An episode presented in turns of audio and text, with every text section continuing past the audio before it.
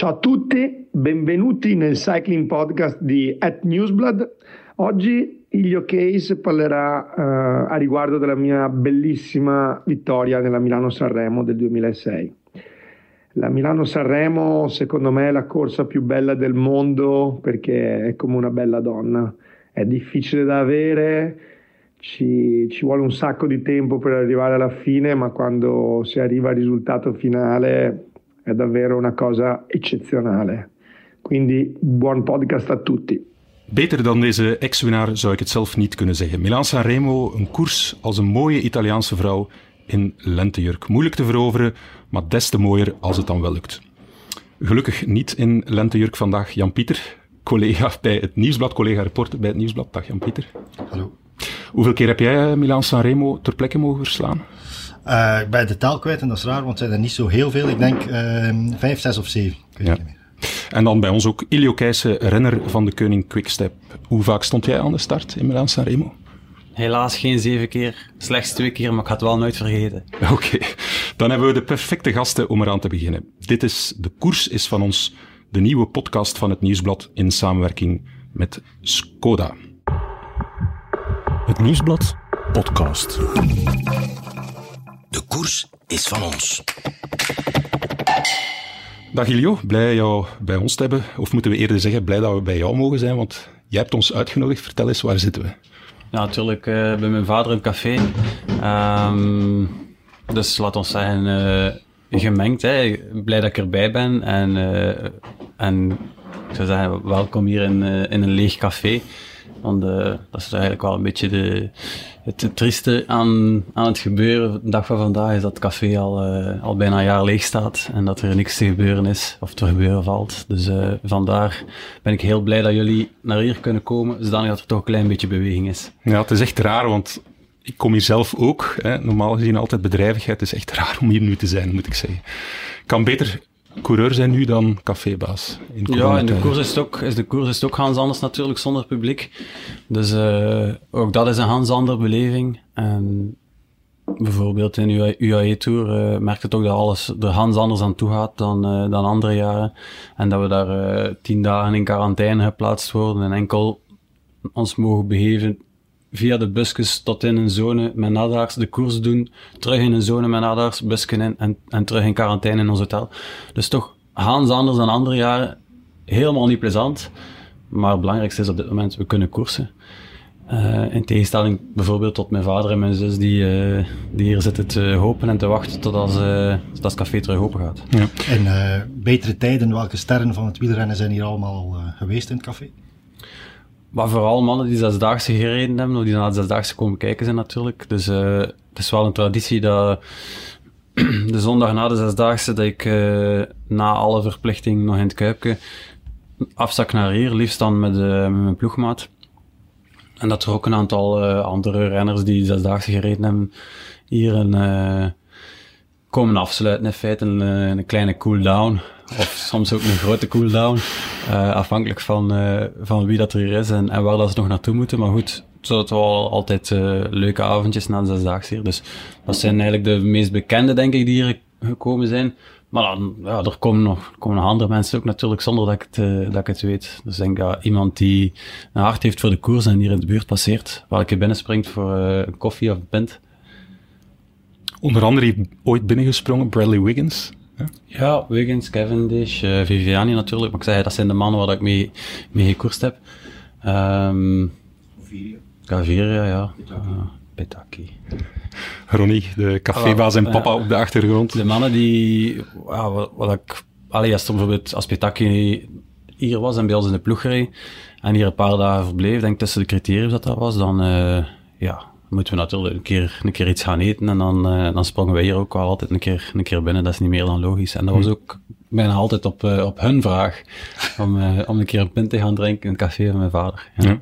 Zij over Petacchi gesproken. Heb jij een idee wie onze podcast ingeleid heeft, de Italiaanse renner? Ja, dat was Pozzato. Ja. ja. En hoe herken je hem na twee seconden? Maar gewoon omdat ik, ik heb wel een goede band met Pozzato. En ik kan niet zeggen een vriend, want hij is natuurlijk uit beeld. Hè. Hij zit niet meer, niet meer zo, zo echt in de koers. Of toch niet dat ik hem, uh, dat ik hem om de 14 dagen zie. maar toch iemand waar, ik, waar ik het altijd goed heb mee kunnen vinden. En dat we zo ook dikwijls een keer na de koers iets, iets gaan eten zijn. En zo gewoon een, een toffe gast om, uh, om een keer een avond mee te spenderen. En we zijn altijd zo'n beetje stijl-iconen, kan ik me voorstellen. Wat hij nog, uh, nog iets meer dan niks. ja, waar onderscheid jij mee? Wat, wat zaten ze achter altijd... Uh, ja, ik probeer er altijd goed uit te zien, maar voor hem was het streefdoel om er altijd fantastisch uit te zien. Dus dat is, dat is het verschil. Dus wel bij de Koning Quickstep zo'n beetje... Er zijn toch veel mooie jongens die daar rondrijden, hè? Daar kan ik me moeilijk over uitspreken, maar ik heb sowieso in ja, ik had ook in een andere podcast over gehad natuurlijk met Ten Dam. Ten Dam was natuurlijk uh, het tegenovergestelde daarvan, mm. de snottebellen aan zijn kin. Uh, en ging dat dan ook niet, niet afvegen, een wilde baard, lang haar. Uh, Beetje zoals wij GP. Hè? Veel ruiger kon hij. Ja, die moeten er ook zijn, hè, maar uh, ja, het valt wel op in de, in de koers dat de meesten er gewoon uh, heel verzorgd uitzien. Ja. ja. als je naast Posato in peloton rijdt en ziet zo iemand als Ten Dam passeren, kijken jullie daarop neer dan? Nee, dan ook weer. Afhankelijk van wie dat is. Op de Dam kunnen moeilijk neerkijken. Ik vind een toffe gast en een goede collega, goede renner ook. Maar moest dat dan zo iemand zijn die, uh, laat ons zeggen, uh, iets, iets minder is dan, dan een dam en die er zo onverzorgd uitziet en, en die van, van weinig iets aantrekt, ja, dat is wel kunnen dat er een keer mee gelachen wordt. Maar niet, ja, ja. niet, niet slecht bedoeld, maar toch een keer, ja, kunnen wel een keer iets tegen zeggen natuurlijk. Ja. het is een speciaal voorjaar voor jou, hè? dus uh, geen omloop het nieuwsblad, geen ronde van Vlaanderen. Ja, kun je draai een beetje vinden? Ja, was eigenlijk op voorhand zo voorzien. Dus uh, wat ging vorig jaar ook al het geval zijn. Um, dus ja, het is gewoon moeilijk bij ons om in de klassieke ploeg te geraken. Uh, vooral omdat we ja, meer en meer starten met één knecht en, en zes kopmannen, schaduwkopmannen daarnaast. Voor de Ronde van Vlaanderen zal er dan, uh, komt daar Dries bij, maar Dries is ook Dries is een meesterknecht. Hè. Dries is er voor, uh, voor Julian en zal ook zijn ding sowieso doen voor de rest van de ploeg maar minder echte, echte knecht dan bijvoorbeeld een Tim of ikzelf. En uh, ja, mijn rol is al een paar jaar, we hebben het een paar jaar samen gedaan, maar met dan het verkleinen van de ploegen van acht naar zeven, heeft dat ervoor gezorgd dat we dat eigenlijk doen met ene knecht, en dat is op dit moment uh, Tim. Wat heb je gedaan de dag van de omloop? Zelf gekoerst in, uh, in UAE Tour. Dat was de voorlaatste dag, denk ik, of de, la de voorlaatste dag. Ja. Um, dus zoveel tijd heb ik er ook niet gehad. Maar daarna, we, een keer dat we in het totaal terug waren met uurverschil, konden we nog, uh, nog mooi de koers volgen uh, op de computer. En wat vonden jullie ervan? Want de tactiek is uh, briljant tot chaotisch genoemd van Quickstep in de, om, in de omloop. Het was gewoon een heel rare editie en waarin dat alles vrij dicht bij elkaar lag. En dan wisten we natuurlijk met Ballerini, die al gewonnen had in Bessage. En die gewoon super snel is en, en super sterk ook dat die heel grote kans maakten om dat met hetgeen dat daar nog overbleef van peloton, om gewoon die, die sprint te winnen.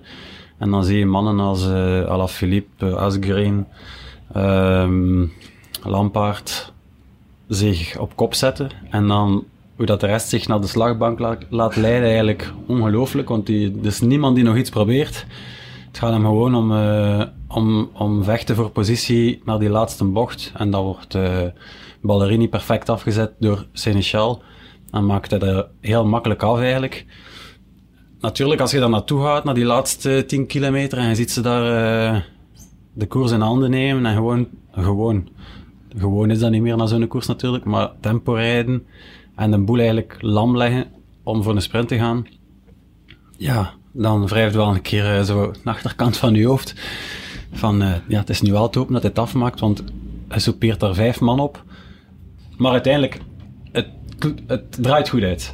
Dus geen probleem. Jongens, tijd voor uh, onze eerste rubriek, het moment van de week. Ja, ik denk dat het wel moeilijk gaat zijn om een moment te kiezen, want het is weer een uh, gekke week geweest en eigenlijk al een gek seizoen.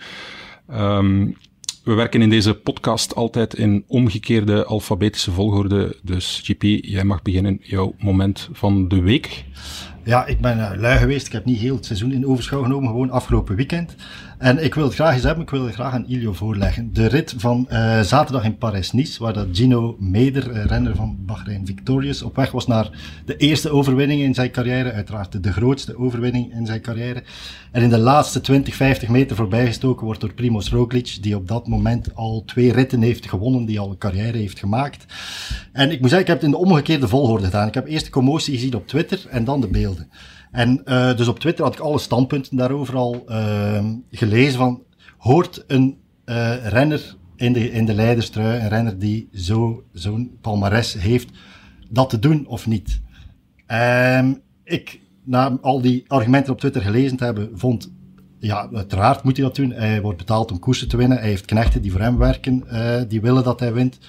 Maar ik kan me voorstellen, als je het omgekeerd ziet, als je die beelden live ziet, dat je het wel uh, iets meedogenloos vindt uh, hebben om het zo te doen. En ik wil graag vragen hoe dat Ilio daar tegenaan kijkt. Ten eerste, om uh, reacties uit te lokken op Twitter moet je tegenwoordig niet echt veel doen. Om ze dan ook nog allemaal te gaan lezen, chapeau dat je dat gedaan hebt. Het is natuurlijk heel makkelijk om achter je telefoon of achter je computer een reactie te schrijven over dit dat hij moeten doen of dit dat hij niet mogen doen. Als je dan uiteindelijk, ja, dat is praat na de vaak, na gisteren, valt hij, hij verliest Parijs-Nice. Um, stel je voor dat hij dat cadeautje had gegeven en dat natuurlijk een ongelooflijke geste geweest, maar dat gebeurt gewoon een dag van vandaag niet meer. Het, is, het gaat hem over een, een World Tour zege met daaraan vasthangend punten en prijzen haalt. Een ploeg die voor hem volledig in dienst rijdt. En het is gewoon een super mooie overwinning, ook voor hemzelf. Dus uh, die cadeau geven, nee. Moet niet, hoeft niet. Had hij het gedaan, stel je voor, dat, uh, dat wij Hanse week rijden voor uh, Almeida of voor Remco. En hij geeft daar zo'n een cadeau weg. Dat zou als ploeg. Hij doet wat hij wil. Hij is de kopman. Als hij dat vindt dat een andere die, die een cadeau verdiend heeft, oké, okay, ja, dan is dat zo. Maar als ploeg zou dat toch een beetje beter zijn. Omdat ja. het is gewoon zo, elke overwinning telt. En, en zo dingen, dat geeft je niet weg. Dat, is nu, dat zou nu nog net iets anders zijn in een, in een grote ronde. Dat je bijvoorbeeld dat een win-win is. Hè? Dus dat, dat hij nu niet in het geel had gestaan als ze samen er naartoe waren gereden. Hij pakt de rit, ik pak heel trui en ik win daar waarschijnlijk het eindklassement mee. Dan is dat oké okay voor iedereen. Maar in het geval van, van die rit vond ik het niet nodig. Plus ook, ja, wat gaat hij terugkrijgen? Hè? Want later uh, grotere beetje... doelen, ik weet niet, in, in, in de Tour of zo... Uh... Ja, maar ook daar, als, als stel je voor dat Landa iets kan forceren... Uh, en, en Roglic daarmee tijd zou aansmeren, dan gaan ze dat ook doen. En dan gaan ze niet denken van, ah ja, maar ja, wacht, want we hebben dan een keer de rit gekregen in Parijs-Nice, dat gaan we nu toch niet doen. Zo werkt dat gewoon niet meer. Hmm.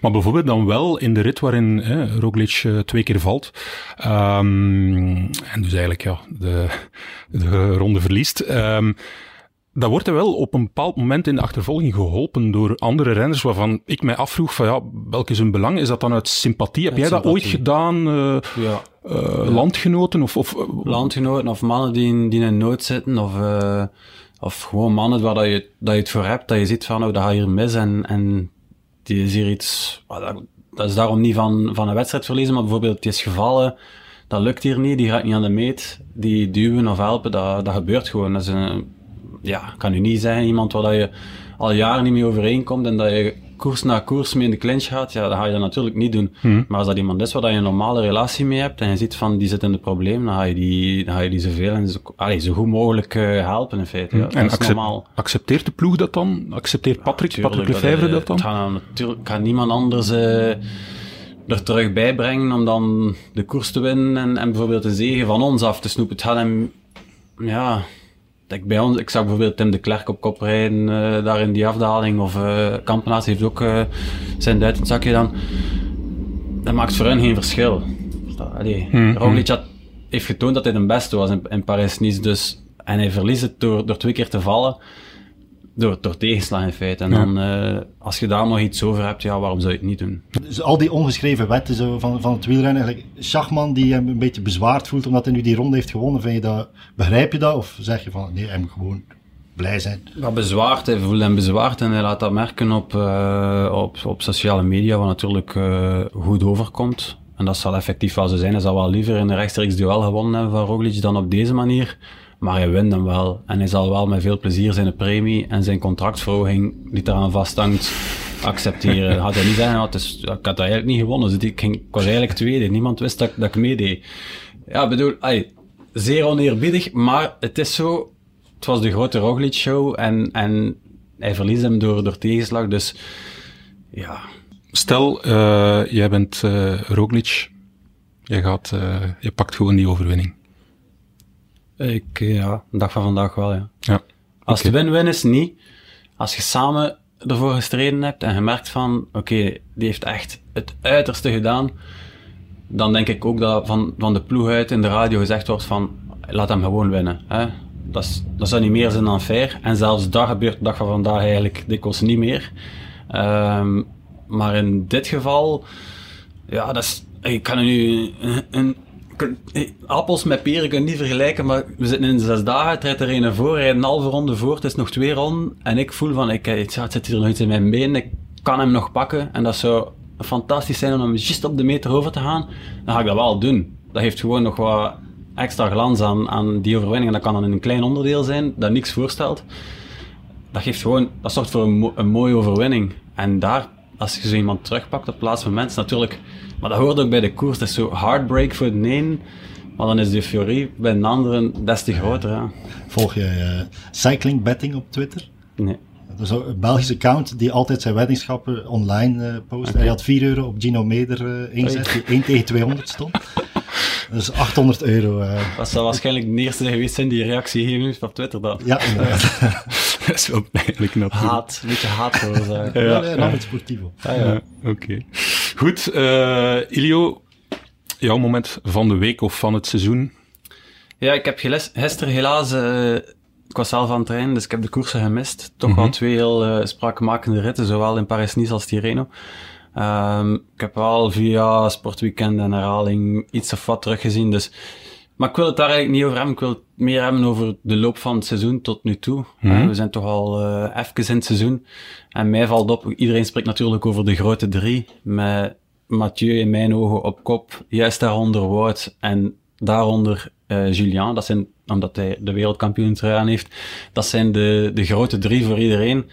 Ik maak er eigenlijk de grote zes van. Ik zou er eigenlijk nog eh Pogacar en Roglic als de twee absolute heersers in de klassementskoersen daar wil naast zetten. En dan eh, Sam Bennett als eh, de man op dit moment in de, in de sprints. Dat zijn voor mij de grote zes van het moment. En zij samen degraderen al de rest op, ja, ik moet zeggen dat is tot, tot figuranten. Mannen waar dat we de vorige jaren met, met grote ogen naar keken, die, eh, die spelen nu niet mee voor de knikkers. Hè. Die, zijn, die zijn blij met een dichte ereplaats of met een keer een aanval om zich eh, een keer even in beeld te fietsen, wat dat dus een gigantisch verschil oplevert met de vorige jaren. En ja, als je dan ook nog die cijfers daarbij ziet, want daar gaan we het straks over hebben, maar als je over wattages gaat praten en zo, als je die cijfers daarnaast zet, dan hadden als eh doorwinterde prof toch ook wel een keer in je, in uw haar gaan scharten en, en denken van eh wauw. Maar vooral ja, jonge renners die, die daar de komende, want ze zijn alle twee ook dan nog super jong, Ja. de komende, laten we zeggen, tien jaar als, eh, als alles meezit, ehm, daar moeten tegen strijden, dat is, dat is toch niet evident. Ja. Maar die zegenhonger, vooral bij Mathieu, wat, wat hij nu doet, wat dat hij in Kuurne doet, wat dat hij gisteren in Tirreno doet, dat, dat kun je toch in tien jaar doen? Zo kun je toch in tien jaar koersen? Ja, dat weet ik niet.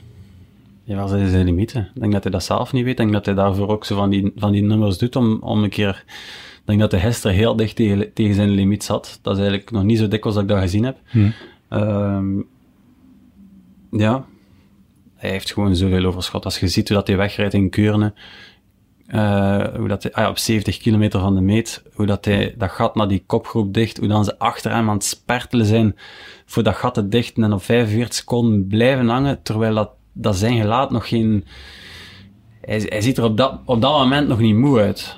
Een keer dat hij over de meet komt is natuurlijk iets anders, maar als je, als je kijkt de beelden zo 30, 40 van de meet, is hij gewoon... Hij heeft alles onder controle.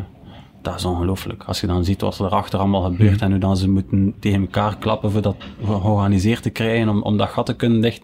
En uiteindelijk, hoe wordt het gat gedicht en wanneer? Op, op, op anderhalve kilometer van de meet. Ja, we, hebben, we hebben het over, eh, voor de luisteraars die later eh, in de week luisteren, we hebben het over de rit waarin Mathieu van der Poel eh, na een gigantische solo hè, wint. Dat is gisteren. Ja, dat is Ja, gisteren, dus ja. we zijn vandaag maandag. sorry. ja. Dus ja, de, de, de rest, dat is voor de kruimels dan, de rest van het seizoen? Of, of zie je dat toch keren? Of, of zijn we nu niet in het moment aan het praten en zullen we anders praten binnen x aantal? Ja, sowieso Weken, praten, maanden. praten in het moment en, en elke koers moet gereden worden. Het is niet omdat ze nu eh, een klasse sterker zijn dan de rest, dat dat binnen, binnen drie, vier weken ook nog zo zal zijn. Want hoe lang kunnen ze zoiets rekken? Het is toch echt topvorm dat ze nu al hebben, alle twee. Eh, kan de rest nog beter?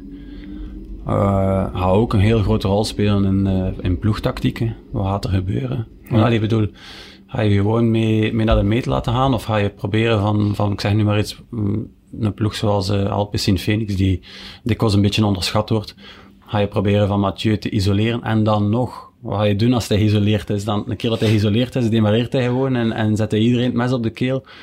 En waar zitten dan, ja, met je ploeg ook. Dus het is gewoon moeilijk, omdat, ze zo sterk zijn. Maar ik ben wel benieuwd naar de volgende koersen. Vind je dat op nog in te schatten is, als je parcours ziet van dit neigt meer naar Mathieu, meer naar uh, Wout, meer naar uh, Alaphilippe. Tussen Pogacar en die drie kun je nog wel onderscheid maken, maar ik vind het moeilijk om in te schatten. Bijvoorbeeld uh, Strade Bianchi, achteraf vond iedereen dat er voor Van der Poel was. Vooraf waren we daar toch wel meer verdeeld over. Achteraf is altijd gemakkelijk natuurlijk als je naar Strade zit te kijken en je ziet hem demareren op die, op die laatste strook eigenlijk. Ja. Dan denkt al van wauw, ja, dat was zeer indrukwekkend. Maar je ziet er dan wel nog Alaphilippe en Bernal, wat ik ook helemaal niet verwacht had, maar die rijden er nog terug naartoe. En dan denk je toch van, ah, op die laatste strook, dat, dat zou toch meer iets zijn voor, uh, voor Alaphilippe. Gewoon, uh, als je de laatste jaren uh, meeneemt en, en de, de, aankomsten waarop dat hij heerst, dat, waren dat soort aankomsten. En dan denk je van, die had, nog, die had ook nog een kans hebben tegen, het gaat niet gemakkelijk zijn, maar hij heeft nog een kans. Maar als je dan ziet hoe dat hij ervan wegknalt, dat is... Uh, ja. Dus ik denk, zo voorspellen uh, overwinningen, hoe pijnlijk dat ook is en hoe, hoezeer dat ik het heb voor, uh, voor Julien, als renner, als mens, als ploegmaat, uh, denk ik dat toch meer en meer gaat gaan tussen, uh, tussen de twee voor, voor dit soort wedstrijden bij ons. Dus uh, wie wint er? En dat je gaat kunnen kiezen tussen, uh, tussen Wout of, of Mathieu, vrees ik. En dat wij het gaan moeten hebben van, van de sterkte van de ploeg. Maar uh, datzelfde werd geopperd, en het is zeker geen leedvermaak, in um, extra time koers. Hè, waar Patrick Lefevre zat. En allee, het werd hem voor de voeten uh, geworpen. Zo van, ja, hoe gaat Alaphilippe die twee nog kunnen kloppen? En dan geloof ik, daags nadien of twee dagen nadien wint. Allee, legt hij ze erop. Alaphilippe klopt hij uh, Mathieu en Wout. Ja, maar als je dan ziet ook gisteren, het moment dat, dat Mathieu de eerste keer doortrekt, op toch wel een super zware rit ook in Tirreno, zie je dat, dat Julian moet, moet, moet passen. Hmm. Dus uh, een, een goede Julian, of Julian op normaal niveau, zou daar waarschijnlijk op, in een ander jaar het verschil gemaakt hebben. Ja. En, en, en, nu moet hij dat... Allee, dat is en, maar wat ik zie in de koers. Hè. Ik zou liever hebben dat het omgekeerd was natuurlijk. Maar, ja. En weet, weet jij, in de Strade Bianche, uh, omdat uh, Julian klaagde over krampen, hè, dan werd er gezegd van ja, zal wel te weinig gedronken hebben. Weet jij insight wat er dan nee, gebeurd is? Of, of ja. Is dat dan gewoon te weinig gedronken? Of er kunnen toch nog andere redenen zijn uh, waarom je krampen krijgt? Wat moest ik die, die wattages van, uh, van Mathieu moeten doen? denk dat ik ook wel krampen heb. Dus als hij ze doet, ja, als je wilt meedoen voor de winning, moet je wel volgen natuurlijk. Ja. Dus gewoon krampen omdat ze zo hard rijden. Ah, ja, dat kan ook het, ja. natuurlijk. Ja. ja. Goed, uh, we gaan naar onze volgende rubriek. Haat of liefde is dat het ligt vaak dicht bij elkaar. Neem een tube breed soms. Sommigen zijn gek van Milan San, Sanremo, La Primavera, het begin van de lente. Anderen vinden het een saaie koers die veel te lang duurt.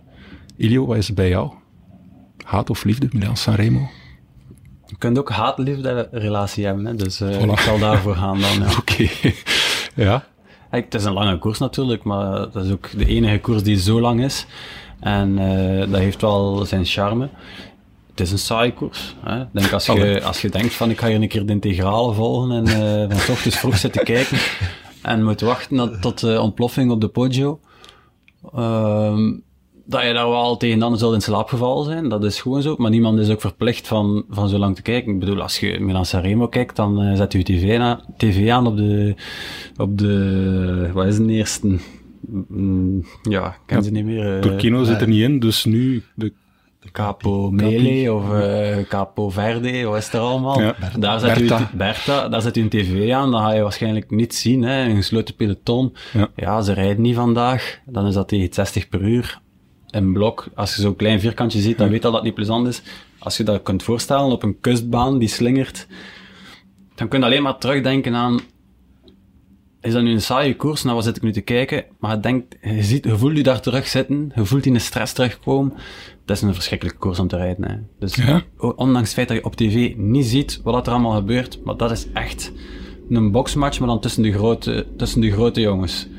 Maar vanaf de Capi. Ja, van, vanaf daar voor, voor van voor te zitten, Cipressa, en dan vanaf daar om van voor te zitten op de Poggio, dat is gewoon vechten, vechten, vechten, vechten, ellebogen open, en dat lijkt een gesloten peloton, maar dat is gewoon zo rap als dan ze kunnen, die eerste, en de rest daar zo dicht mogelijk achter. Iedereen wil naar voren, niemand kan naar voren, stress. Niets meer dan dat. Stress, stress, stress. Dat begint van, normaal gezien vanaf dat je Turkino naar beneden komt, komt langs de kust, dat wordt, eh dat peloton st- strekt eerst lang uit, en dan hoe dichter dat je komt, hoe, hoe meer dat er terug samenkomt, en dan ga je daar in gesloten rangorde al vechtend die bergjes over. Maar Klinkt alles mooi, gebeurt natuurlijk. Ja, klinkt mooi, maar niet als je ertussen zit. het is eigenlijk mooi om naar te kijken en als je weet van, zo voel het en ik kan er nu gewoon naar kijken eh, en van genieten. Maar als, als je er niet tussen gezeten hebt, kun je het ook niet zien. Je kunt niet zien hoe, hoe moeilijk dat is. ik vond wel bij de Strade Bianchi dat die Italiaanse regie zo soms wel inzoomde en zo van die kleine dingetjes toonde en zo. Wat, wat gebeurt er dan zo concreet? Wat, wat, je zegt een bokma- boksmatch, maar wat, wat, wat, zijn de dingen die, die gebeuren dan in die stress? Iedereen wil natuurlijk dat zijn, dat zijn kopman van voor eerste instantie Cipressa opdraait, omdat dat een moeilijke afdaling is. Tweede instantie, als je de koers wil winnen, moet je van voor de Poggio opdraaien. Iedereen wil dat. En iedereen hoort zelfs in zijn oortjes van nu, nu moet je naar voren. Maar er is gewoon geen ruimte. Het is twee vakken breed, draait en keert. Dus elke bocht waar je naartoe gaat, van voor, is dat een beetje wring daar naartoe, even remmen. Dus dat is hoe verder naar van achter ook, hoe, hoe heviger dat je, dat je dan in de remmen moet gaan. Dus ja, er zijn een paar die daar een goede positie hebben en die willen die houden. En al de rest zit in een, in een slechte positie en die willen naar voren. Dus dat is gewoon elke centimeter die er vrijkomt, probeerde, probeerde te nemen of probeerde een gat te maken waar je door kunt, liefst nog met je kopman ook mee. Het is gewoon, ja, tactisch, tactisch steekspel, maar moeilijk te volgen van, het, van, van, van op tv eigenlijk. Ja, dat is inderdaad zo. Eigenlijk zou je dat... Ja, de uitdaging, en ik vind wel, bij VRT doen ze dat heel goed, maar de uitdaging is om, om dat ook zoveel mogelijk mee te geven hè, aan, de, aan de kijker, dat, dat klein gevriemel. Dus een oproep aan onze luisteraars, ga wat dichter bij je tv gaan zitten, kijk naar die kleine dingetjes. Zo, dat, Ja, als je ziet zo in UAE Tour, denk ik dat ze zo met die live camera's werken. Dat is, een, dat is natuurlijk iets anders als je daarmee kunt werken.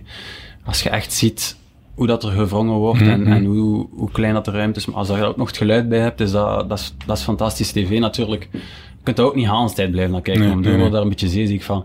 Maar ehm, zo af en toe een keer een beeld ertussen, dan pas kun je goed zien eh, hoe dat er gevrongen wordt. Het is een van uw geëikte uitdrukkingen. De koersen met de scheermessen aan de elleboog. Leg dan een keer uit, wat is er gepermitteerd met een elleboog en wat is er niet meer gepermitteerd? Uh, dikwijls eigenlijk, ik hou er niet van om kwakken te geven en ik hou er zeker niet van om kwakken te krijgen. Ik vind dat... eh, het is niet nodig. Eh, soms wel, maar het is meer zo als je... Een van de ongeschreven wetten is als je daar als ploeg zit, dat je daar als andere ploeg niet, niet tussen komt. Hè, er is ruimte genoeg. Als je er voorbij wilt, als wij op kop aan het rijden zijn, we zitten er met de ploeg achter.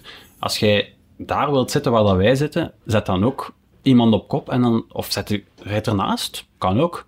Maar niet geen meter op kop rijden en toch de beste plaats willen nemen. Ja, dat kan niet. Dat is nu eenmaal het voordeel dat je hebt als ploeg van het nadeel van iemand op kop te zetten. Je bent iemand kwijt, want die heeft gewerkt, maar je hebt een goede positie. Je zit waar dat je wilt.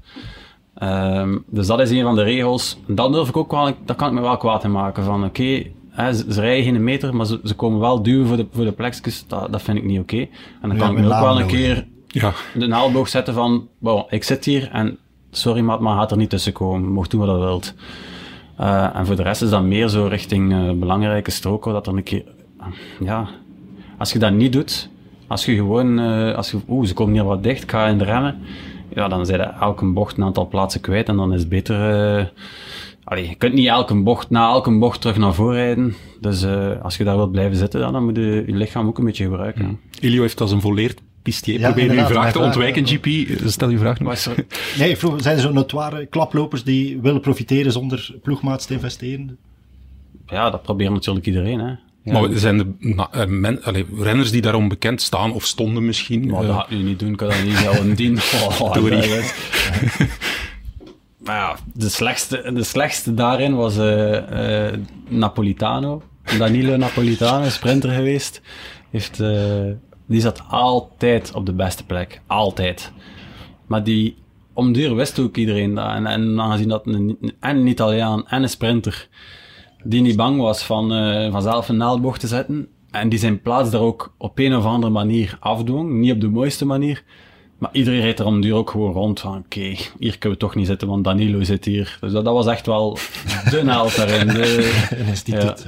eh. En eh, gaat het dan ook over eh gabarit of meer, eh, wat de Spanjaarden zeggen, cojones?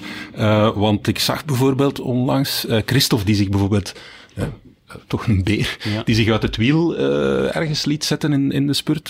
Zijn, gaat dat over, over de renners met de grootste gabarit of zijn het soms de kleine mannetjes met het meeste... dat zijn meestal de gevaarlijkste. De kleine met de cojones zijn gevaarlijker dan de grote met gabarit. Alhoewel, dat, allee, een goed voorbeeld is Greipel bijvoorbeeld. Ja. Hij heeft het gabarit. Ja. Maar ik kan dat niet op die manier zeggen. Ik zat even te denken. nee, je weet misschien wat ik denk. ja, Hij, hij is, Gentleman. hij is iets te veel gentleman geworden, zeker om, om, als sprinter. En hij laat hem vrij makkelijk eh, wegdrummen. Mhm. Terwijl, ja, ja, het is soms wel een beetje jammer om te zien, omdat dat hij waarschijnlijk nog altijd een redelijke sprint heeft en dat hij, moest hij hem niet laten wegzetten, nog altijd de mogelijkheid heeft om, om een aantal koersen zeker te winnen op een jaar. Maar je ziet gewoon dat hij ergens een schrik heeft opgedaan, dat hij snel laat, laat wegzetten en dat hij er dan niet meer tot sprinten toe komt. En eh, ja, dat is een voorbeeld. Bijvoorbeeld een man waar dat Hm, iedereen toch wel, eh, als je hem ziet, krijg je daar al wat schrik van. mooi. Maar hij heeft zelf nog meer schrik dan degene die naast hem zitten en die schrik hebben van hem. Ja, dat wordt moeilijk. Hij heeft mij ooit verteld, gigantische kuit, hè, Greipel. En eh, Gigantische alles. ik vroeg hem, ik vroeg hem zeg, ja, van wie heb je dat? Van uw vader of zo? Nee, van mijn moeder, zei.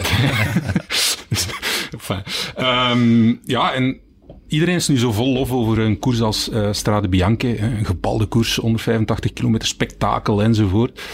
Ja, heeft Milan Sanremo dan eigenlijk nog bestaansrecht? eh? Ja, ik vind van wel, ik- als, als ik de vraag zou krijgen, eh, haat of liefde, mij is het onvoorwaardelijke liefde. Amai. Ja, ik, vijf uur lummelen, dan twee uur gas geven en dan een uur nakaarten en Ja, zeggen dat veel zwaarder is dan... podcast hier. eh. Maar kijk, dat was mijn punt. Dat is het standaard werkdag van de journalist. En dan nog eh, klagen dat het toch veel zwaarder is dan iedereen Ja. denkt. Nee, maar ik vind dat absoluut een, een koers die zijn bestaansrecht heeft. En het gaat ongeveer in, denk ik, tegen alle tv-wetten en zo. Maar de, de wiel, het wielrennen moet daarin volharden. En eh, Ja. dat is ook waarom dat eh eh, wielerfans graag wielerfans zijn. Omdat ze van iets houden dat niet eh, mainstream is, volgens mij. Ja. En ik denk dat eh Milan Sanremo daar een mooi voorbeeld van is. Ja, want dus, allee, iets minder of iets meer afhankelijk van eh, welk jaar en welk parcours, van, dan 300 kilometer. Hè. Dat is, eh, Maar het gaat hem vooral om die, om die finale, waar je toch een mix hebt van... Kan een puncher die vol haat op de Poggio, kan hij, welke schade brengt hij toe aan de sprinters? Hoeveel hebben ze al afgezien in de, in de 295 kilometer ervoor, laat ons zeggen. Ehm, wat, wat zit er nog in de tank? Kan hij, ze, kan hij zo toeslaan dat ze nooit meer terugkomen en dat hij zelf voor de overwinning kan gaan? Wat is al een paar, paar keer gebeurd is, hè, met, de, met een Nibali. Eh allee, in de laatste, de laatste jaren, Sagan, Kwiato, eh Julian, dat zijn de mannen die dat, die dat kunnen. Zet daar nu ook maar Van Aert en, eh, en eh, Mathieu bij. Eh, halen zij het? Of komt toch alles terug door een, door een twijfeling van 2, 3 seconden. Is Ja. genoeg om, om, om ze te laten terugkomen. En dan krijg je toch een sprint. Ja, het is... Oei, kan je een boete aan weer zeker? We zitten hier aan het raam. Nee, ik ben blij, inderdaad, het, eh, dat was een van de running jokes in de podcast met de Dam, dat je... Ja, maar de mijn auto staat hier en ze zijn hier weer. Dus eh, het is nu niet echt, echt niet om te laten, maar ik kan weer een boete. Wist je dat Skoda het populairste merk van de koers is? Bijna de helft van de pro-wielerploegen rijden met Skoda's. Ze zijn standaard ruimer en veel praktischer ontworpen. Getuigen de paradepaardjes Skoda Superb en Octavia. Bovendien kunnen bij deze Skoda's de achterste zijruiten helemaal naar beneden. Zo kan een mechanicien al rijdend vlot een renner een handje toesteken. Geen koers zonder Skoda. Skoda. Simply clever. Ja, over spektakel eh, gesproken. Spektakel, dat staat nu bijna gelijk met wattages. Hè. Een koers is pas eh, spectaculair als we achteraf de wattages kennen. Ehm, ja, Ilio, jij voorstander van, van al die wattages, eh 1400 watt, 1000 watt. eh. Nou, ik zit er natuurlijk een beetje in, hè, dus eh, een beetje. Eh, dus ik, het zegt mij wel iets. Eh, Ik ben er niet door bezeten. En voor mij is een goede training daarom niet degene met de hoogste wattages en omgekeerd.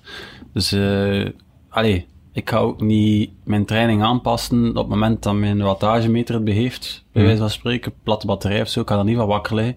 Dan zijn er jongens bij ons in de ploeg, eh, ik spreek maar over hen, omdat ik hen bezig zie, die volledig flippen en niet meer weten wat doen, want wat- wattagemeter werkt niet. Voor mij, ik ben nog altijd het beste zonder sensors. Gewoon, ik voel mijn lichaam, ik voel wanneer dat ik klaar ben voor een zware training, ik voel wanneer dat ik vermoeid ben en ik train daar ook naar. En dat wordt ook geaccepteerd door, eh, door de ploeg en door mijn trainer Tom Steels, dus dat is geen probleem. Maar er zijn andere jonge renners die, die daarmee opgegroeid zijn met die wattagemeter, die daarmee gaan slapen ook. Eh, ja, alles moet wetenschappelijk onderbouwd zijn. Het is, het is slapen met, een, met zo'n bandje rond de pols, zo te zien, Ja. heb, ik- heb ik goed geslapen als ik opsta. Moeten ze eerst kijken op hun telefoon, heb ik nu goed geslapen of niet? ja, weet je of dat je goed geslapen, dat voel je toch ochtends of dat je goed geslapen hebt. Of, dus, dat is gewoon eigen aan de tijd. eh. en, en die wattages horen erbij. En als je die nummers ziet, omdat ik ze ken ook, omdat ik weet wat ik zelf dikwijls maar kan doen. eh, en, Ah, het is daarom dat je een fan bent. maar ook, ja. Ik, ik, ik heb niet de hoge, de hoge wattage. Ik moet meer hebben van, eh, van een goede plaatsing, parcourskennis, eh drukken van de voor. Dat zorgt ervoor dat ik meestal zit waar ik moet zitten. Niet zozeer omdat ik, eh, dat ik de kracht heb om bijvoorbeeld als iedereen 60 per uur rijdt, om er mij even eh, rechts naast te schieten en iedereen voorbij te rijden. Dat is niet zo. Dus, eh, maar er zijn wel mannen die dat wel kunnen. hè. Er is daar een anekdote over eh, Fabio Jacobsen bij jullie in de ploeg, dat hij vrij nieuw was en dus nog niet het statuut van sprinter had, dat hij moest aan kop van het peloton gaan rijden. En eh Nicky Terpstra had gezegd, Fabio rijdt, ik weet niet wat dat jullie rijden, 42 per uur. En hij sloeg in paniek, want hij wist dan niet, ja, eh Nicky, hoeveel watt moet ik dan duwen? Want eh, ik zie dan niet op mijn eh, wattagemeter hoe snel ik het rijden. En dan, Terpstra is iemand zoals jij, die dan... eh, ja, Ik in- koers bijvoorbeeld op, op, ik koers op de kaart, dus eh, dat, is, dat is toegestaan. Hè. Je hebt een, een kaart in je fietscomputer. Je stikt de route erin van een dag. En dan zie je van, oké, ik ben, ben 500 meter een bocht naar links, scherpe bocht. Ik zie dat aankomen. Dat is voor mij veel belangrijker dan te weten welk, welk wattage dat ik aan het duwen ben op die moment. Nog belangrijker, als er veel wind is, dan kun je dat een beetje uitzoomen. En dan zie je van, oké, binnen 5 kilometer gaan we 30 graden, ah, parcours gaat 30 graden naar links, dan gaat er wind vol in de zij zijn, of perfect voor een waaier te trekken. Dat is voor mij veel belangrijker. Dat kan zeggen van, mannen, we gaan nu opschuiven, we gaan maken dat we daar, op dat punt van voor zitten. Als er iets gebeurt, als er niets gebeurt, kun je het misschien zelf doen. Dat is mijn, mijn rol in de ploeg, en niet bij mij is iets minder belangrijk, die wattages. Ook als ik op kop aan het rijden ben. Het is niet dat ik daar constant op gefocust zit. Dat is veel meer op, op, op gevoel van, ik duw nu iets. Hoe lang kan ik dan, kan ik dan nog drie uur volhouden? En als ik voel van, oeh, dat Maar is niet geruststellend als je dat cijfermatig weet van, ja, normaal gezien, dit is mijn wattage dat ik... Je kunt er wel een keer naar kijken. Ja, natuurlijk, ja. Je moet het sowieso, maar het gaat ook toch altijd... Verzuren, dat voelt, hè. Dat je aan het verzuren bent. Maar het is te laat, zo gezegd. Ja. Ja, je kunt het niet blijven, je kunt niet blijven verzuren. Om de duur zijn verkrampt, hè. Zeg, En kan je dan zo afkijken op de wattagemeter van een concurrent? Zo? Als, eh, ik weet niet. Of, Maar nee, die schermen zijn ook niet zo groot. Ik denk, als Ah, je ja. absoluut een keer iets wilt zien, dat je dat wel kunt. Maar uh, voor daar in koers te gaan beginnen, als je daar ook nog moet mee bezighouden, want te gaan zien wat die naast je aan het duwen is. Maar versnellingen toch wel, daar wordt toch gespiekt wat dat iemand uh, van versnelling aan het duwen is. Dan richting de sprint wel, ja. Ja. ja. Maar ook niet haast een dag, hè. Ja. Ik heb trouwens gehoord, ik weet niet of dat klopt, maar uh, in de podcast van Lance Armstrong vorig jaar, voor Milan Sanremo, daar ging het over uh, de Poggio. En dan zeggen ze van ja, de Poggio, dat is eigenlijk een helling van niets als je die op training doet. Uh, de Big Ring. Maar als je die doet, nou, wat is het, 280 kilometer koers of zo, dan, dan is dat op de Small Ring. Is dat werkelijk zo verschil of is dat een beetje overdreven? Na zoveel koers zit dat zo in de benen? Ja, als je al zeven uur aan het fietsen bent en er is wat wind of er is wat regen, afhankelijk van, van het weer natuurlijk. Hè. Ik heb er twee gedaan in, in vrij slechte weersomstandigheden. Dan zit dat in je benen. Hè. Ja. Zelfs al je nog geen trap moeten geven, het gaat er gewoon om, bon, je zit, je zit zes, zeven uur op de fiets, je wordt mm. sowieso worden moe. Hè. Je moet er, ja. Zelfs al, al moet je niet constant, ik ga de wattage niet noemen, het gaat daar niet over, zelfs al zit er niet constant te duwen, ja. hè, en laat u meeslepen in de buik van het peloton, dan nog zijn er altijd wel een aantal versnellingen of dingen die je moet doen, dat je, iedereen gaat dat op een bepaald moment voelen, om dan nog echt die explosie te hebben op de potje. Er zijn er niet veel die dat, die dat kunnen. Maar ik denk nu wel, als je hem gaat pakken en je wilt meedoen voor overwinning en, en je pakt hem op de small ring, dat toch vrij moeilijk gaat zijn om nog te keren. Dat is voor de sukkelaars. Ja. Oké. Okay. En jouw twee deelnames. Uh, gisteren waren we aan het uh, whatsappen en je zei al van ja, ik ga die nooit vergeten. 2014 en 16 geloof ik. Hè? Ja, 14 uh, was met, met Cavendish. super slecht weer. Gietende regen van in de start. Heel koud. Uh, iedereen natuurlijk goed aangekleed, wat ook mm -hmm. niet altijd een voordeel is, want goed gekleed wil zeggen dat je ook dat je lichaam weinig ademt. En, en, ja. en goed, en dan komt de Turkino boven en dan is het nog 100 kilometer. En uh, dan ziet dat er na die eerste kilometers langs de kust iets beter uit. En zie je de kledij vliegen langs alle kanten, alles uit. Om dan uh, ja, 10, 15 minuten later terug uh, in de gietende regen te komen en iedereen natuurlijk onmiddellijk onderkoeld. En dan is dat je, taak als, als knecht om, om kledij te gaan halen. Maar in, Sanremo, een keer dat je daar langs de kust zit, peloton mm. lang gerekt, is dat dus echt wel de haal om naar buiten te gaan. En zeker als je dat dan een paar keer moet herhalen. Hè. Ja, zeven jasjes, dat gaat nog, maar als het ook gaat over handschoenen en... Uh, en botjes voor over een schoen en warme drank. Ja, dan is Vloekte dat soms een keer van, ah, moet je ook nog ja. handschoenen hebben? Op en af is dan de auto en dan weet je dat je koers gedaan is. Hè. Dat, kunnen niet, ja. dat zijn inspanningen, dat, dat kunnen ja. ja. twee, drie, vier, vijf keer doen en dan is het over. En dat zijn blijkbaar echt bestellingen. Zo. Ja, die, die trui met die lange mouwlengte, die beenstukken. Als iedereen koud is, echt koud heeft, dan uh, is het eigenlijk vrij eenvoudig. Want dan is het gewoon gelijk wat het meebrengt, is goed. Iedereen heeft koud. Maar als het zo nog maar net begonnen is, is het beginnen met blauwe gabba en blauwe regenvest en grijze regenvest en die armstukken en die handschoenen. Ja, oh, begint daaraan. En niet enkel als knecht we dat te gaan halen, maar ook als, uh, als mechanieker van achter in auto. Dat zijn dus ja, zeven of acht regenzakken die daar staan. Als die allemaal op bestelling, ja, dat is, dat is het haal. Dat kun, ja. Voor dat goed weg te steken en dan nog het juiste te geven aan de juiste renner, dat is bijna onmogelijk. Kan je dan de mate, kan je dat mee controleren of is dat de verantwoordelijkheid van uh, Nee, ik controleer hetgeen dat ik krijg, hoopte dat dat juist is aan een auto en steek het op een plaats op je lichaam, want het is ook niet dat ik dat met een rugzak zit. Hè. Dus je steekt dat ergens van, oké, okay, hier zit Julien, hier zit Gilbert, hier zit Cavendish. en zo proberen dat te onthouden. En als je, wie, afhankelijk van wie dat deed, ah ja, en die, dat was dat, uh, het is altijd wel een keer iets En een systeem dan van... Ja, maar ja, je kunt niet alles overal steken, want dan weet niet meer wat dat van wie is. ja, dat is echt, dat is niet zo plezant. Hè. Ja, nee, oké. Okay. Wow. En dan die van 2016? Daar ben je ah, wel aangekomen, hè? Want die, ja, die heb ik uitgegeven, maar ook in een, in een verloren positie. Dat ja. was eigenlijk uh, met Gaviria de bedoeling echt om, om, om te winnen. Hè. Um, ah, ja, met Kev toen ook natuurlijk, maar dat was een uitzonderlijke editie en dat was iedereen al content dat er nog hmm. kon gesprint worden. Dan waren er eigenlijk weinig verwachtingen van ah, alles wat je doet is, is goed met zo'n weer. Um, en dat weet iedereen ook wel, maar met Gaviria hadden we echt wel de man daar om, uh, om te kunnen winnen. En de situatie om te winnen. En de situatie om te winnen, maar je rijdt dan op dat achterwiel van, van Sagan, denk ik. En, uh, en hij valt op, op, op, 300 meter of 250 meter van de meet. In een, in een uitstekende positie. Maar goed, dan wilde in zo'n koers toch ook nog wel graag een keer de finish bereiken. Die 300 kilometer volmaken, dat is ook altijd een voordeel voor de koersen die nog komen. En uh, sowieso een monument. Daar rijd ik graag uit, al is het... Ja, eh, dat is toch nog het eergevoel van we 20 rijden, we rijden dat uit. Ja. Maar ja, dat soort koersen, dat zijn gewoon koersen die je een keer als, als prof moet gereden hebben. Hè. Like dat, je, dat je geen, geen coureur zit als je nooit een Tour gereden hebt. Je moet een keer een Tour gereden hebben, moet een keer Sanremo gereden hebben, moet een keer Strade gereden hebben. En ook pas nadat je het gereden hebt, weten van, is dat iets voor mij? Ik wou heel graag Strade doen. Ik heb dat ook in, in, verschrikkelijk, in hetzelfde jaar waarschijnlijk. Dat er zo sneeuw lag de dagen ervoor, dat dan de dag, er, de dag zelf beginnen regenen is, alle sneeuw weg, maar dat was zo een dikke brei. Het is sowieso al een, een korte, maar een heel zware koers, heel veel hoogtemeters. Te zwaar voor mij eigenlijk. En dan een keer met die brei erbij. Dat was, eh, oké, ik heb dat gedaan. Ik heb dat uitgereden op, eh, ik weet het niet, eh, 22 minuten. Al wat er na mij kwam was, eh, was out of time limit.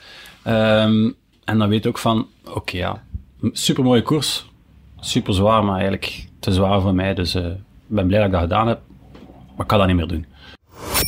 Het is tijd voor onze volgende rubriek, het bord van een ander. GP, dat moet jij eventjes uitleggen. Het bord van een ander, dat is een wielerterm, maar wat wordt daarmee bedoeld? Ja, het is een eh, vaste uitdrukking van eh José de Kouwer en ik denk dat hij het van eh, Henny Kuiper heeft opgenomen, eh, overgenomen.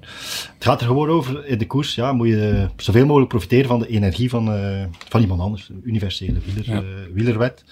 Maar bij ons betekent het dat we andere podcasts, concurrerende podcasts, wielerpodcasts beluisteren en iets interessants daar, daaruit halen en voorleggen aan onze gast. Ja, dus wij gaan ook elke week schaamteloos op, een, op het zweet van de andere podcast Inderdaad, teren. In de stijl van eh we Napolitano. zijn, ja. Maar eh, we gaan wel telkens een eervolle vermelding doen en we luisteren naar een fragment uit Vals Plat. De wielerpodcast van Friends of Sports, waar papa Evenepoel te gast was.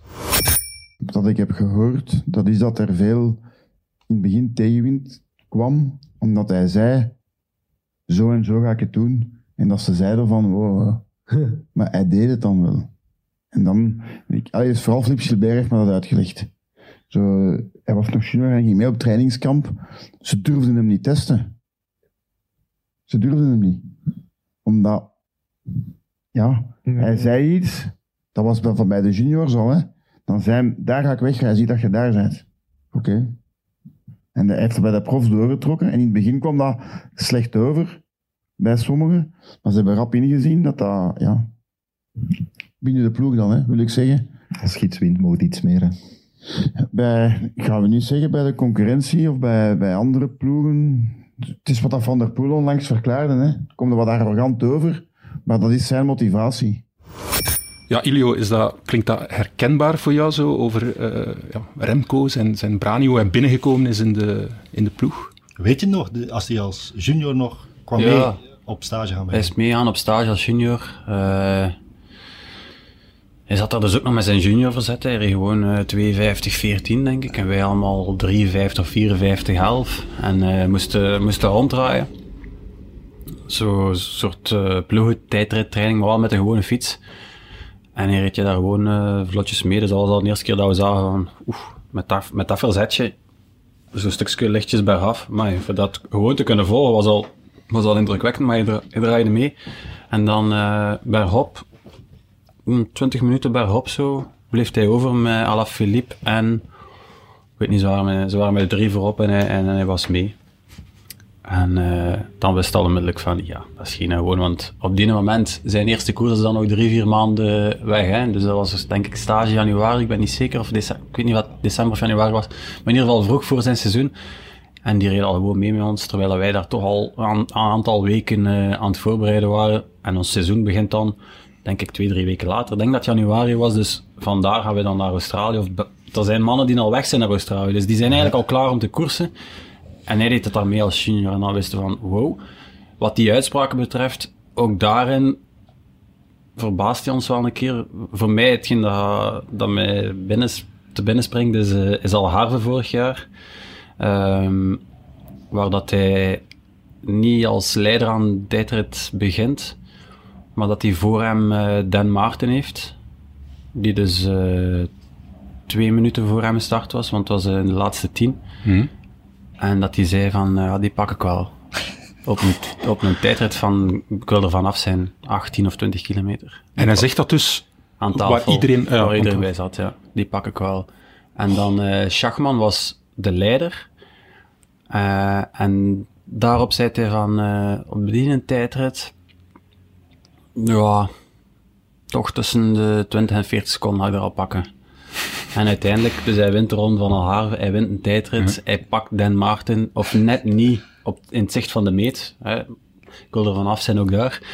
En hij, um, hij verslaat Schachman een tijdrit met, met 30 seconden. Dus gewoon in het midden van hetgeen dat hij zegt dat, dat wij allemaal zoiets hadden van, en ik zelf ook lag met hem op de kamer ook, dat ik zei tegen hem van, ach, met die uitspraak moet, hey, Schachman, ja, vond vorig jaar wel uh, Paris-Nice, nu opnieuw, dat is, dat is toch geen gewone, een goede tijdrijder ook, voor, voor zoiets te zeggen, maar hij, hij deed dat dus. Ja. ja. En dan uh, de volgende keer ga je dan ook niet zeggen tegen hem van, ik zou dat nu toch niet meer zeggen, zo van die dingen. Als hij dat zegt, is daar waarschijnlijk over nagedacht en uh, ja. Ja. Wat mij opvalt, ik heb hem ook vrij snel, uiteraard, omdat we hem heel snel opgepikt hebben als media, maar als junior geïnterviewd. En de maturiteit waarmee dat die interviews, die snapt toen dat dat werkte, dat is de journalist, dat is zijn rol, ik geef dat soort antwoorden. Dus precies of dat hij in een vorig leven al een keer coureur geweest is, heb ik altijd een indruk. Hij is voetballer geweest, hè. En maar hij heeft gewoon, ondanks het feit dat hij super jong is, heeft hij een aantal kwaliteiten. Hm. Eén daarvan is, is keihard met de fiets rijden, dat is wel heel belangrijk als renner. Maar daarnaast heeft hij nog een aantal dingen en die maturiteit is er zeker één van. En, en hij heeft eigenlijk geen jeugd gehad. Hè. Dus hij is, hij is begonnen als voetballer, dat is onmiddellijk vrij professioneel gegaan. Hij is coureur geworden, dat is onmiddellijk heel professioneel gegaan. Hij is nu prof, hij is super professioneel. Veel meer dan eender wie die ken. Um, en het voordeel van niet te weten wat het is om of op stap te gaan, of uh, veel plezier te maken met vrienden, is dat uh, ook die verleiding niet kent. Dus mm. dat, dat, dat, interesseert hem ook niet. En dat is een, een, voordeel ook op, op die leeftijd. Denk daar niet aan. Dat, dat staat niet in zijn woorden ook. Mm. Ja. En het feit, uh, ja, hij kan alles, maar stuurvaardigheid en zo, dat is op een bepaald moment wel eens zo, omdat hij laat beginnen koersen is. Is dat iets, effectief iets waar je, jij bent iemand die daarom bekend staat, waar je hem nog waar hij nog progressie kan maken. Hij kan daar progressie in maken, hij zal er ook progressie in maken. Hij heeft er ook al heel veel progressie in gemaakt. Dus uh, ik vind van mezelf dat ik, zonder te willen stoeven, maar een van de betere dalers ben. Ik kan niet zeggen de beste, zeker niet. Maar toch een van de betere. En ik weet, met hem op stage, als we, met, we waren met twee op stage, bergaf, als hij voor mij zit, geen enkel probleem. Dat ik zelf soms ook serieus moet mijn best doen om hem, om hem bij te houden. Dus hij kan zeker dalen. Uh, en het wiel misschien dat hij daar nog een klein beetje vertrouwen mist. Afhankelijk ook bij wie dat hij in het wiel zal zitten. Peloton rijden, ja. Er zijn veel klimmers die net iets minder in een, in een peloton rijden. Ik vind ook niet dat hij daar dat hij dat, dat, hij dat slecht doet of zo. Uh, maar dat is ook door gewoon door veel te koersen dat je dat... Mijn eerste koersen zijn ook altijd iets minder dan als ik uh, anderhalve maand terug bezig ben. Ik laat mij ook iets vroeger wegzetten en de keer daarna denk ik van, ah, dat gaat mij toch geen twee keer overkomen en toek, de, allee, en dan zitten daar terug. Dus, uh, plus ook dat hij in een bepaalde... Allee, hij heeft die, die status al, dat je dat toch niet meer zomaar je schouder gaat, uh, gaat tegenzetten, ook niet. Hè. Als bij mij, als Vroom naast of, of Bernal, of noem maar op, uh, Pogacar, ik ga er echt niet tegen aan duwen. Hè. Heeft die man een, een beetje ruimte, dat is gewoon een soort... Ja. Uh, dat is, uh, ja. Napolitano zou dat niet doen, maar... Napolitano zou ik me wel een keer tegenzetten, ja. in, in, de humor had, had hij een uh, interview deze week en een van de vragen was, zijn er nog mensen die nee zeggen tegen jou? Ik vond dat een goede vraag, maar jij bent blijkbaar iemand die er hem op wijst van Remco, een uh, tandje minder is ook goed. Ja. ja, ik vind dat ook nodig, ja. Ik heb het ook in die vorige dingen aangehaald. Uh, als iedereen constant zegt hoe, hoe goed dat je bent en, u, en alles, ja, enkel het goede benadrukt, dan ga je daar ook u naar aan gedragen. En, en ik heb daar nu niet echt schrik bij. Hij is wel nuchter, maar toch is dat wel iets dat af en toe moet er toch wel een keer iemand toch nog een klein beetje tegenwind geven, vind ik. En ik doe dat niet, niet expres van, als er, als er geen reden is om het te doen, moet ik het ook niet doen, hè. En het is ook niet dat dat constant zo is, maar zo af en toe een keer zeggen van, boh, dat zou ik toch niet zijn of niet doen, of, of let daarmee op. Ja, ik vind dat wel nodig. Ik denk dat dat ook wel, door hem ook, het maakt niet uit, door de ploeg ook wel, dat dat, dat is gewoon nodig dat af en toe, af en toe zo is. Niet alles wat hij zegt is juist. En niet alles wat hij doet is goed. Hè? Bij niemand van ons. Dus dat, dat, dat iemand, dat iemand hem dat ook kan, kan zijn waarvan dat hij het ook accepteert. En als hij dat bij mij heeft, moet hij mij dat ook zijn. Ja, dus, ja, we liggen ook dikwijls samen op de kamer, dus dat zijn, dat zijn zo kleine dingetjes. dat, is, dat is geen probleem. Ja. Zijn er zo bepaalde dingen die hem, die hem echt kan bijbrengen, ook naast de koers, of, of aangezien dat je kamergenoot bent? Niet zoveel eigenlijk.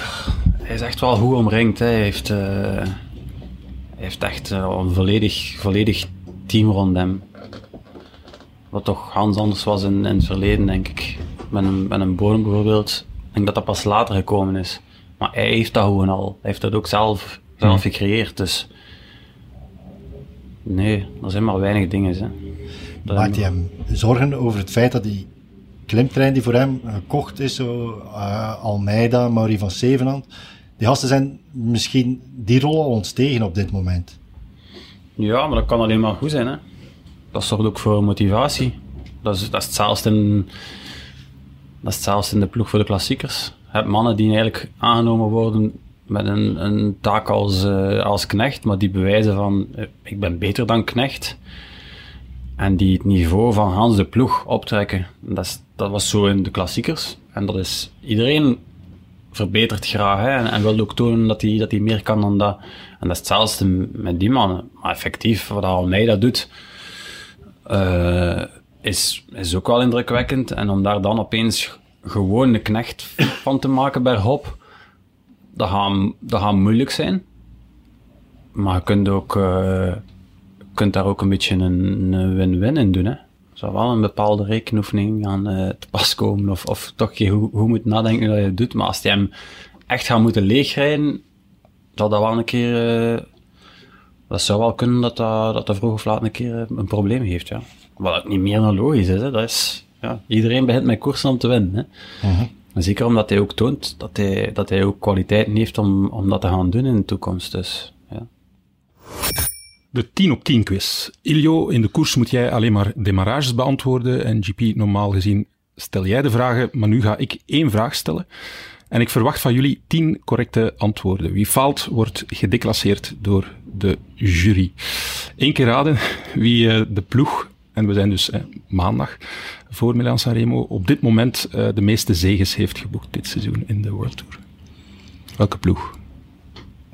Koning quickstep? Ja, tien om precies te zijn. Dus ik wil van jullie de namen horen, hè, telkens gekoppeld aan een koers. En bij eh etappekoersen ook eh, nummer van de etappe erbij. Ehm, is het nummer verkeerd, dan krijg je een half puntje. Dus we gaan beginnen. Eh, ja, ik zie Chipier al in kramp eh, trekken. Ilio, jij mag beginnen. Eh, ja, een, een naam en een koers die hij gewonnen heeft. Ehm, Ballerini, Tour de Provence, eerste rit. Yes. Juist. Ik ga voor Ballerini, Omloop het Nieuwsblad. Eh, correct, ja. 1-1. Ilio? Ballerini wint ook eh, nog een rit in de Provence. Ik denk de laatste rit. Ja. Ik heb hier staan de tweede rit. Ik hoop dat mijn voorbereiding klopt, dus eh, half puntje. Ja, ik was niet zeker. Ja, oké. GP. Eh, ik ga dan naar Sam Bennett moeten overstappen. Volgens mij, ehm Sam Bennett, Parijs-Nice, zesde etappe. Sam Bennett, Parijs-Nice. Eh, ik heb hier vijfde etappe. Ah, half puntje. Sam Bennett, Parijs-Nice, als we daar dan toch zitten, maar heeft de eerste rit gewonnen. Mm, ja, dat is een volledig punt. Dus eventjes eh 2,5 voor Ilio en anderhalf voor GP. Ja, we gaan verder. Eh, tellen is moeilijk. Julian Alaphilippe, Tirreno, Adriatico. Derde etappe. GP, tweede etappe. Ja, journalist. Oké, Ilio. Sam Bennett, UAE Tour, eerste rit. Nee, Shit. de nee. vierde, vierde rit. Oké. Ja, dus een half puntje. GP. Eh Bajoli, Droom Classic. Ja, ja, dat is een goeie. Direct een volledig punt. Oké, dus we zitten hier aan twee voor Ilio en drie voor GP. Elio? Oké, dan pak ik een makkelijke. Een Mauri van Zevenhand, GP Lanciano. Ja, die- ik had echt gedacht dat je die al eh, ging gezegd hebben. Ja. Nee, dat was mijn volgende. Ik, ik, ja, Ja. ik zit in een probleem. Ook eh, weer een punt erbij. Oei, oei. Ilio heeft echt eh, het antwoord dat op mijn eh, helemaal vooraan zat weggenomen. Die wint er dan nog koersen. Zijn we rond met Sam Bennett? Ik denk het wel. Maar geen vragen stellen, hè. Dus GP, aarzeling. Ja, Cavagna had een paar keer moeten winnen. Ja, Nee, ik, eh, ik geef ja, op. ja, ja. 3, 2, 1. Elio, maak het af. Eh, Sam Bennett wint nog een rit in de UAE Tour. Dus de vierde rit hadden we al. Hè? Volgens mij... goh, fuck. Eh, ik zou zeggen... Tweede rit? Nee, Ze- Zesde rit. de zesde rit, ja. Ja, ja. Maar goed, een half puntje erbij voor Ilio. Ik ga je vertellen, hè. 1, 2, 3, 4. 4,5 voor Ilio. En ja, GP eh 1, 2, 3. 3. Oké, maar verdienstelijk, hè. Dat is niet slecht. Zeg, Sam Bennett, daar hebben we het eigenlijk nog niet, niet over gehad. Ehm, ja, ook vrij indrukwekkend. Eh, in de UAE-tour heb jij ook een, een rol in zijn zegens gehad? Want ik vraag me dat af, iedereen heeft het nu over eh, Morkov, hè, indrukwekkend, lead-out enzovoort. Maar ja, je hebt daar ook een rol in, hè? Ja, maar toch, de rol van Morkov moet je daar- echt wel niet in onderschatten. Want bij mij is dikwijls... eh, bij mij vragen ze gewoon om, om de trein op de rails te zetten. Dus op het juiste moment naar voren. Ervoor te zorgen dat... Bijvoorbeeld in UAE Tour was dat dan eh Archibald in mijn wiel en Morkov daarachter en dan Bennett. Ehm, en ervoor te zorgen dat ze eigenlijk nog geen trap moeten geven tot, tot bij het binnenkomen van de laatste kilometer. Maar dan nog ga je soms zien dat Morkov niet volgt, of dat hij meegaat tot, ik zeg maar iets, eh laatste kilometer, anderhalve kilometer, dat hij dan even niet volgt, en dan komt hij op een of andere manier daar toch terug, om, om 9 keer op 10 het juiste te doen. En 9 keer op 10, dan ben ik nog kritisch, want het zou ook 9,7 keer op 10 het juiste kunnen. Ik denk dat hij eigenlijk nog maar heel weinig fouten maakt. Eh, en als er een keer iets misgaat, is dikwijls omdat er eh, een keer een, een, een kwak gegeven wordt, of dat Sam een keer niet heeft kunnen volgen of zo. Maar meestal doet hij echt wel. Hij blijft kalm, hij heeft overzicht en hij heeft ook ruimte. Ze geven hem ook ruimte, omdat iedereen weet van wat dat hij doet is juist. En achter hem zit een beste sprinter. En als ik daarachter zit, ga Ja. misschien niet kunnen kloppen, maar ik ga toch tweede zijn. dus die ruimte die hij daar krijgt in dat gevriemel richting, richting sprint, ja, die is zo belangrijk. En als hij de ruimte niet krijgt, dan zorgt hij ervoor dat hij het toch krijgt. En dat ook meestal nog op een, op een zeer nette manier. Er zijn er niet zoveel die dat kunnen. Er, er- ja, er is al heel veel lof gegeven aan, aan Morkov. Maar hetgeen dat hij doet is gewoon ook fenomenaal. Dus dat, het is ook niet meer dan logisch dat hij die lof krijgt. Hetzelfde deed hij met Viviani. Ehm, hij is gewoon de beste in, in dat werk. En dan heb je Sam, die, die vertrouwen gekregen heeft, eindelijk. Want dat is een beetje zijn zwak punt. Ehm, en die, die, hem, die hem volgt, die Morkov volgt. En, en die gewoon de power heeft om die sprints af te werken. En die eigenlijk op dit moment enkel kan geklopt worden door... ehm eh allee, ik ging zeggen McCune. eh, Kudmerlier? Ewan. Ewan. Ewan, Ewan. Eh, die...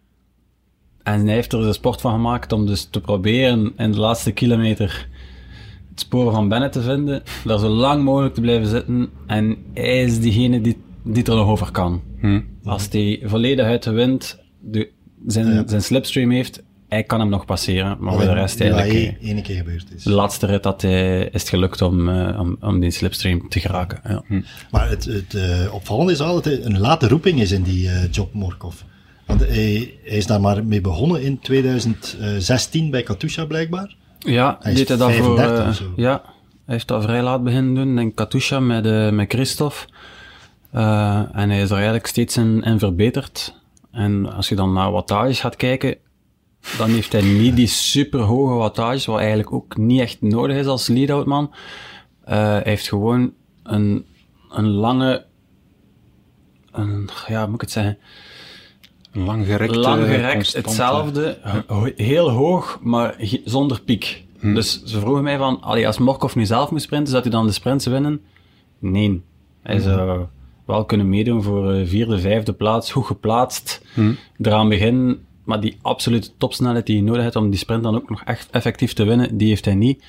Maar hij heeft wel het voordeel dat hij hem zeer goed kan plaatsen en de juiste moment ook vindt om, eh, om zijn ding te doen. En soms is dat gewoon Sam ergens afzetten als hij voelt van we hebben hier een man tekort en ik, al, ik zit hier al anderhalve kilometer in de wind en ik, ga, ik heb die push niet meer voor die laatste 400 meter, ik kan dat niet doen. Dan zet jij hem af in een goed wiel, wordt hij perfect gebracht en komt er niemand kwakken en, heeft hij iemand voor hem tot op 400, 500 meter van de meter, dan kan hij dat zelf doen. Maar hij past hem zo gemakkelijk aan. Zon en ander volgt en ze hebben daar geen woorden voor nodig, dat is wel super belangrijk. Volgens Lefevre zijn de beste lead-out mannen geen sprinter geweest. Ja, omdat die anders, die werken anders dan een sprint toe, die echte sprinters. En terwijl een lead-out man meer dat moet kunnen van eh, een, een, een lange, gerekte, stevige inspanning. Een goede lead-out man zou ook iemand kunnen zijn die sprints wint, maar die eigenlijk geen sprinter is. Bijvoorbeeld, Tom heeft veel sprints gewonnen, maar was niet echt een sprinter, was gewoon oersterk. Ja. Hetzelfde eigenlijk een beetje met Christophe. Gewoon een, een echt een, een sterke... Dat zijn natuurlijk sprinters, maar niet, die hebben ook niet die versnelling van een Ewan of... eh, En een bovenlichaam waar dat je goed achter kunt wegstoppen. ja. Zij- Is er nog een kans, eh, of hoe groot, ik zal het zo zeggen, hoe groot is de kans dat we op het eind van het seizoen Mark Cavendish aan dit lijstje mogen toevoegen? ja, zeker een winnen van het jaar. Ja? Ja, ja, zeker. Oh, mooi. Zegt dat zo echt eh, overtuigd? Ja, had, ja, hij had vorige week al moeten winnen, is misschien makkelijk gezegd. Ik denk dat Merlier daar ook zeer sterk en zeer slim was, dus eh, dat was misschien Vorige week was in de in GP Mons- Montserrat, dus dat is dan niet gelukt, maar eh, hij is gemotiveerd en hij is, we zien op training dat hij snel is. Dus als hij goed naar de meet gebracht wordt en het zit een beetje mee, gaat hij zeker winnen, ja. Geloof jij erin, GP? Ja, ik, ik ga Ilio niet, niet tegenspreken, hij had daar veel beter... Maar dat eh, mag, hè? Want, toch? Ja, ja. ja. Maar hij gaat daar Ja, veel beter eh, zijn, hè. zicht op hebben. Maar denk je dat hij in de World Tour gaat winnen? We zouden beginnen met een koers, gewoon een koers te winnen. Ja. Dat is al een begin. Maar, ja, afhankelijk van de tegenstand. Wie gaat er aan hem gekoppeld worden als lead-out, of is dat niet echt een vast eh, iemand? Ik denk dat dat op dit moment nog niet zo een, een vast duo is zoals, ehm, zoals dat, dat wel het geval is bij, bij Morkov. Maar stel je voor dat ze een, een koers samen kunnen doen en dat Morkov hem kan, hem kan een keer brengen bijvoorbeeld. Dat zal zeker wel een keer gebeuren dit jaar. Hè. Dan wil ik het toch allemaal nog wel zien, ja. Ja, kleine disclaimer. Ehm, we spreken over Cavendish en de zegens, maar deze podcast wordt op maandag opgenomen. Er is nokere koersen en handsamen. Eh, hij rijdt... Ik krijg ze alle twee, ja. Hij rijdt en- ze ook alle twee. Ja, dus wie weet. Hè. Eh, Ik ga Hoor. zeggen, ik heb eh, parcours gedaan van Noker. Ik heb dat gisteren gedaan op training. Noker zal in mijn ogen, tenzij dat de wind echt verkeerd zit, gaat geen massaspurt zijn zoals vorige jaren. Dat parcours is verzwaard. Eh, nee, zie ik niet gebeuren. Oké, Dus daar acht ik de kans al eerder klein. ja. Maar je weet nooit dat dan toch een massaspurt is en dat hij er zit. Maar ook daar denk ik niet dat dat echt zijn best is om, om daar te sprinten. Ik denk dat dat meer, meer voor een, een sprinter is met, die iets groter is, iets Ja. zwaarder op die stenen. Dus die hoog vermogen kan halen, maar ook stevig is op die kasseien naar boven. En ik denk dat Kev daar net iets te klein voor is, dus dat is een moeilijk. En ook handsamen is volledig veranderd. En dat is met twee lussen nu in de heuvelzone. En lijkt dat er al Hans de, de laatste week wind is en regen. En dat, dat wordt waarschijnlijk ook doorgetrokken tot dan een beetje. Als er dat, ze gaan ook nog door de moeren in terugkeren. Dus ook daar verwacht ik eh, eerder een slagveld dan een massaspurt. Oké. Dus dat zijn twee, ik denk niet dat dat echt grote kansen zijn voor hem. Oké, en dan een eh, vraag waar we minder door de actualiteit kunnen achterhaald worden. Wie wint Milan Sanremo? GP, jij mag nu beginnen. Ah, ik ging, eh, ja, moet altijd een beetje interessant maken. Ik kan niet de meest evidente Ja, ja, naam ja, ja, geven, ja. dus ik ga voor Filippo Ganna. Filippo Ganna. Ja. Zo een Cancellara-stijl overwinning. Ja. Ik hoop dat Ilio mij bevestigt dat dat dan toch een... eh, ja, kan het? Is het eh kletst uit zijn nek, GP? Of zeg je van... Nee, dat is een supersterke renner. Mhm. Ik, ik zou hem er nu wel nog niet op zetten, maar het is wel iets dat hij zeker moet kunnen in de toekomst. Ja. Maar hij, is, ja, hij kan het sowieso. Ja. Dat is ook een, echt een beest, ja. Maar ik, mm, ik kan het niet volgen. Maar toch goede gok, eh, GP. En daar valt geld mee te verdienen, hè, met zo'n Dark Horse. Idio. Ja, het makkelijkste is Wout of Mathieu zijn, want een van die twee zal hoogst Ja, maar kan je weinig geld mee verdienen. koers winnen. Maar ja, oké, als, als we gaan voor geld te verdienen... ehm Tim de Klerk. Ja, ja dat hè. Nee, eh, Gaan binnen zijn. Als nee, ik ga iemand nemen uit eigen ploeg, Ja, die snel is, die de neuvel over geraakt, in eigen land, Ballerini. oké. Goed, genoteerd. Genoeg gepodcast voor vandaag. Nu is het aan de renners. Hè. In okere koersen, hand samen. Ilio, jij. En dan eh Milan Sanremo, kijken. Eh, ja, merci om te komen. Merci om ons uit te nodigen, Ilio. Was echt fantastisch. Ja. Graag gedaan. GP, jij ook bedankt. Was jouw tweede podcast. Wat vond je van? Stijgende lijn? Eh, ja, ja, ja.